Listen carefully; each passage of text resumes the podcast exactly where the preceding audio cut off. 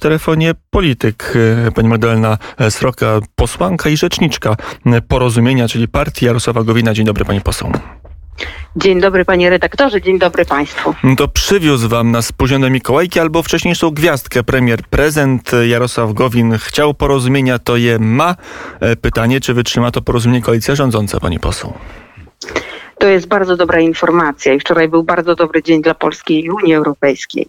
I oczywiście e, w Zjednoczonej Prawicy nieraz e, dochodziło do różnicy zdań, e, ale my jako porozumienie, jako proeuropejska prawica wiemy doskonale, że fundamentem Zjednoczonej e, Europy jest dialog. E, I e, od samego początku odrzucaliśmy tą logikę weto albo śmierć, ponieważ z perspektywy Polski, z perspektywy gospodarki, ten budżet jest bardzo ważny. Myślę, że jestem wręcz przekonana, że gdy emocje opadną, to mm, ta ocena ze strony naszych przyjaciół z Solidarnej e, Polski trochę złagodnieje i myślę, że w momencie, kiedy rzeczywiście już e, Komisja Europejska też stworzy dokument, który będzie te konkluzje zawierał z, ze szczytu wczorajszego, że wszystko a pani tak poseł nie ma. Przejdzie w tą świąteczną atmosferę. Nie ma obaw, bo w nie dalej jak dwa dni temu rozmawiałem na, na antenie Radia Wnet z panem ministrem Ociepą, także politykiem i posłem porozumienia, który no jednak widział e, w tym mechanizmie powiązania środków europejskich z praworządnością, niedookreśloną praworządnością, widział poważne zagrożenia. Nawet żeśmy uzgodnili, że krótkofalowo to lepiej jest mieć pieniądze, ale długofalowo to może lepiej tych pieniędzy nie mieć, a e, mieć tą możliwość kształtowania polityki suwerennej w ramach ramach demokratycznych rządów, a nie poprzez brukselską biurokrację. Czy też pani poseł nie ma takiego, takich obaw, że ten kompromis może kiedyś tam bardzo mocno wyjść bokiem, bardzo silnie wyjść bokiem? E, panie redaktorze, te konkluzje przyjęte przez Radę Europejską eliminują wszystkie niejasności z rozporządzenia i skutecznie chronią suwerenność Polski. E, ten, mm, te konkluzje e, jasno mówią o tym, że mm, połączenie z praworządnością, e, praworządnością rozumianą z perspektywy wydawania środków unijnych, tak, zagrożenia dla budżetu unijnego. Tylko wtedy tak naprawdę e, możemy tutaj mówić o tym mechanizmie połączenia, e, połączenia budżetu właśnie z takimi przekroczeniami finansowymi, to znaczy złymi rozliczeniami, malwersacją środków. My jako Polska nigdy nie mieliśmy z tym problemów. Także instytucja unijna, jaką jest OLAF, e, nigdy tych zastrzeżeń do Polski nie wnosiła. Dlatego. Ale dlatego też czy wasi też, tak prawnicy, tak wasi eksperci i, i, ci wy jako posłowie jesteście pewni, że ta deklaracja no, siłą rzeczy polityczna, ona nie wpływa w żaden sposób na kształt porozumienia, bo tutaj musiałaby się zebrać Rada Unii Europejskiej, czyli ministrowie do spraw Unii Europejskiej musieli taką decyzję podjąć i wypracować. Tu mamy polityczną deklarację, która, jak mówi wielu prawników, gdyby doszło do sprawy przed Trybunałem, nie ma żadnego znaczenia prawnego. Jest y, świstkiem papieru de facto, może poważnym, może to e, podpisani poważni ludzie, ale nie ma żadnej mocy prawnej. Oczywiście, y, tak jak pan to sformułował, w tej chwili takie opinie się pojawiają. Natomiast y, te opinie. Myślę, że dopiero w przyszłości będziemy mogli powiedzieć, że mieliśmy rację, że to nie jest e, tak, że to jest dżentelmeńska umowa i w którymś momencie któreś państwo przestanie e, być dżentelmenami w tym e, układzie, w tych konkluzjach po wypracowaniu tego porozumienia. Ja tutaj nie widzę obaw co do właśnie takich sytuacji, o których Pan mówi, żebyśmy potem przed Trybunałem Sprawiedliwości Unii Europejskiej nie, nie, nie, nie potrafili się obronić, czy ktoś chciałby stosować mechanizm ten łączący prawo praworządność, ale praworządność rozumianą e, w zakresie e, wartości, w zakresie e, istoty małżeństw, w zakresie tego wszystkiego, w czym Polska w dalszym ciągu jest suwerenna i suwerennie będzie podejmowała decyzje co do kształtu i rozwiązań, jak będziemy mieli w naszym państwie. Także ja tych zagrożeń nie widzę. Oczywiście słyszałam, tak jak pan mówi, opinie różnych prawników, ale są też takie, które potwierdzają moje słowa. Także myślę, że to jest jest w dalszym ciągu dobry czas dla Polski i dobry czas dla Unii Europejskiej. Magdalena Sroka, posłanka i rzeczniczka partii Porozumienie przy telefonie Radia Wnet. Pani poseł, to teraz przejdźmy już czysto na podwórko krajowe. Mm, już mówiliśmy o tym, że jest ten spór, czy nawet y, jasne powiedzenie, to nam się nie podoba ze strony waszych y, koalicjantów Solidarnej Polski. Na ile cała ta sytuacja może zaważyć na składzie rządu, na ile może zaważyć na tym, kto będzie premierem? Czy gdzieś w tle tej walki o unijny budżet nie toczy się także gra o fotel prezesa Rady Ministrów? W tej chwili e, na pewno nie ma możliwości stworzenia takiej większości, żeby, e, żeby e, mogła tworzyć konstruktywny rząd inny aniżeli rząd Zjednoczonej Prawicy.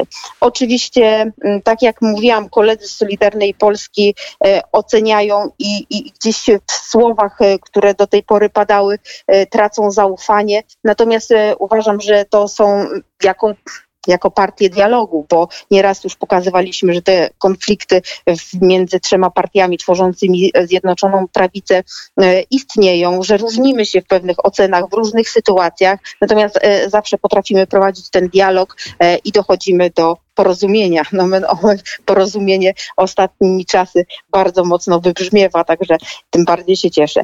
I e, e, uważam, że... że e, Ale to jak wy oceniacie? Spotykacie się w porozumieniu w swojej grupie zaufanych posłów, działaczy partyjnych. Siada Jarosław Gowin u czele stołu i pyta się, o co chodzi Zbigniewowi Ziobrze i co odpowiadacie? Chodzi mu o niepodległość, o Polskę, o budżet, o tekę premiera? O co chodzi?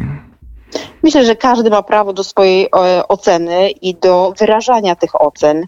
Mm, o co chodzi, to myślę, że jest pytanie nie do mnie. Natomiast e, w najbliższym czasie zbierze się zarząd Solidarnej Polski i oni pewnie będą stawiali sobie te pytanie, które pan w tej chwili zadał. Ale żeby e, koalicja była spójna, to musicie współodczuwać swoim koalicjantem, zastanawiać się, co on myśli, co on chce, czy mu jest dobrze, czy on ma jakieś kłopoty.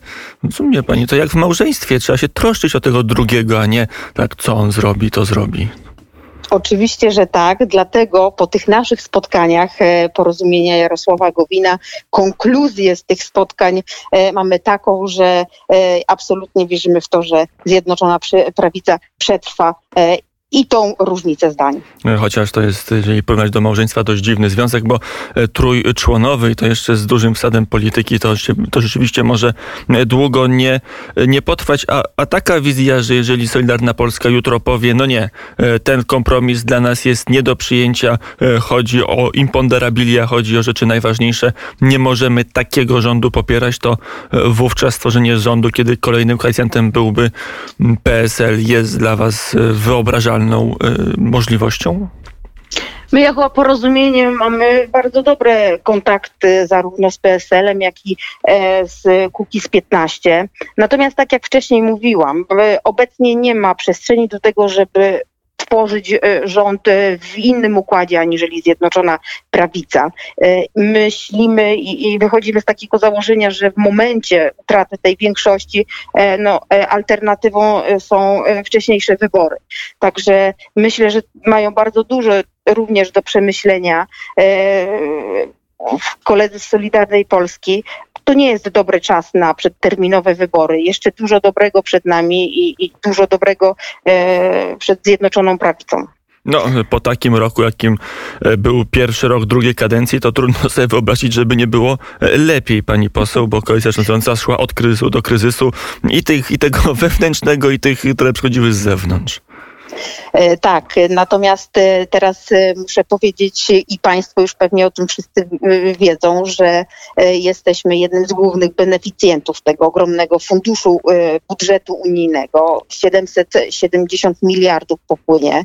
To jest ogromne wyzwanie, to jest ogromny zastrzyk, to jest historyczna tak naprawdę suma wynegocjowana przez pana premiera Mateusza Morawieckiego przy wsparciu Jarosława Gowina, który bardzo mocno też angażował się w rozmowy w Brukseli z komisarzami unijnymi właśnie w celu przekonania ich, że ten kompromis jest możliwy.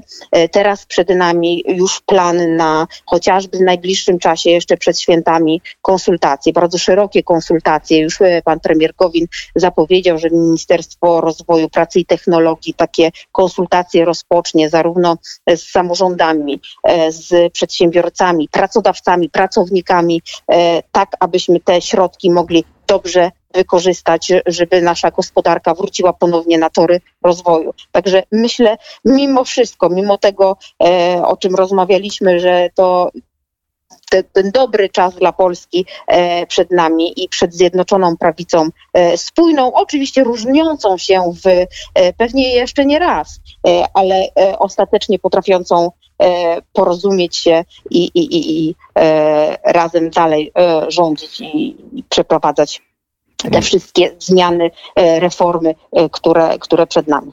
Reformy i zmiany Mm, to co z reformą wymiaru sprawiedliwości? Bo zdaje się, że to był ten przyczynek, niektórzy mówią tylko pretekst, inni mówią klucz y, problemu, y, jaki jest między Polską a Komisją Europejską, y, że to właśnie ta reforma jest zbyt daleko idąca, zbyt ostra. Czy teraz w ramach tego kompromisu rząd będzie jakoś się wycofywał z tej reformy, aby uniknąć w przyszłości kłopotów z funduszami europejskimi, z próbą ich odebrania? Czy tutaj porozumienie uważa, że wszystko jest jak najbardziej ok i kolejne kroki, tak jak sobie to Zbigniew Ziobro wymyśli, tej reformy, czyli reformy sądów, będą realizowane? Na pewno kolejne e, reformy przed nami. Proszę pamiętać o tym, że Trybunał Sprawiedliwości Unii Europejskiej e, w momencie wszczęcia procedury artykułu 7 e, finalnie nie znalazł większości do poparcia tej tezy, że te zmiany przeprowadzane są bo tam, niezgodnie. Bo tam potrzebna niezgodnie. była jednomyślność, a teraz Czyli... wystarczy tylko kwalifikowana większość i e, taka większość znacznie łatwiej może się znaleźć. Proszę pamiętać, że e, te e, rozporządzenie wraz z konkluzjami i wraz z kolejnym dokumentem, który zostanie przyjęty przez e, Komisję Europejską, nie będzie dawał możliwości do zastosowania tej kwalifikowanej większości przy rozstrzyganiu e, dotyczącego sporu e, o sądownictwo w danym państwie e, należącym do Unii Europejskiej. Także tutaj tego zagrożenia mm, absolutnie nie ma. No dobrze, czyli jak rozumiem, reforma sprawiedliwości i Zbigniew Ziobro w tym swoim ogródku może czuć się bezpieczny, że dalej będzie mógł pielić grządki i je sadzić tak, jak mu się podoba. Na pewno przed nami są te reformy e, sądownictwa. No, wiemy o no, tym, część już jest za nami, ciągu, chyba coś się udało zrobić. tak, ale w dalszym ciągu potrzebujemy e, reformy, które skrócą procesy sądowe, które skrócą terminy, e, które dadzą obywatelom poczucie e, sprawiedliwości, szybkości i nieuniknienia kary przed e, sprawców e, popełnianych przestępstw. Także, także to jest na pewno przyszłość i te reformy są konieczne i oczekiwane przez społeczeństwo. Mm, powiedziała Magdalena Sroka, posłanka i rzeczniczka mm, partii Porozumienie, ale jak rozumiem, wasz komunikat dziś jest taki, zrobimy wszystko albo bardzo dużo, aby, aby koalicja rządząca przetrwała w obecnym kształcie? Oczywiście, że tak. Jesteśmy przekonani, że gdy emocje opadną, będziemy potrafili e, uznać e, to za dobry czas dla Polski i Unii Europejskiej e, i e, bardzo mocno pracować intensywnie nad tym, żeby te środki trafiały tam, gdzie są potrzebne, po to, żeby gospodarka wróciła na odpowiednie tory, po to, żeby nasz kraj dalej rozwijał się. E, powiedziała pani Magdalena Sroka, rzeczniczka porozumienia. Dziękuję bardzo pani poseł. Bardzo dziękuję. Do usłyszenia.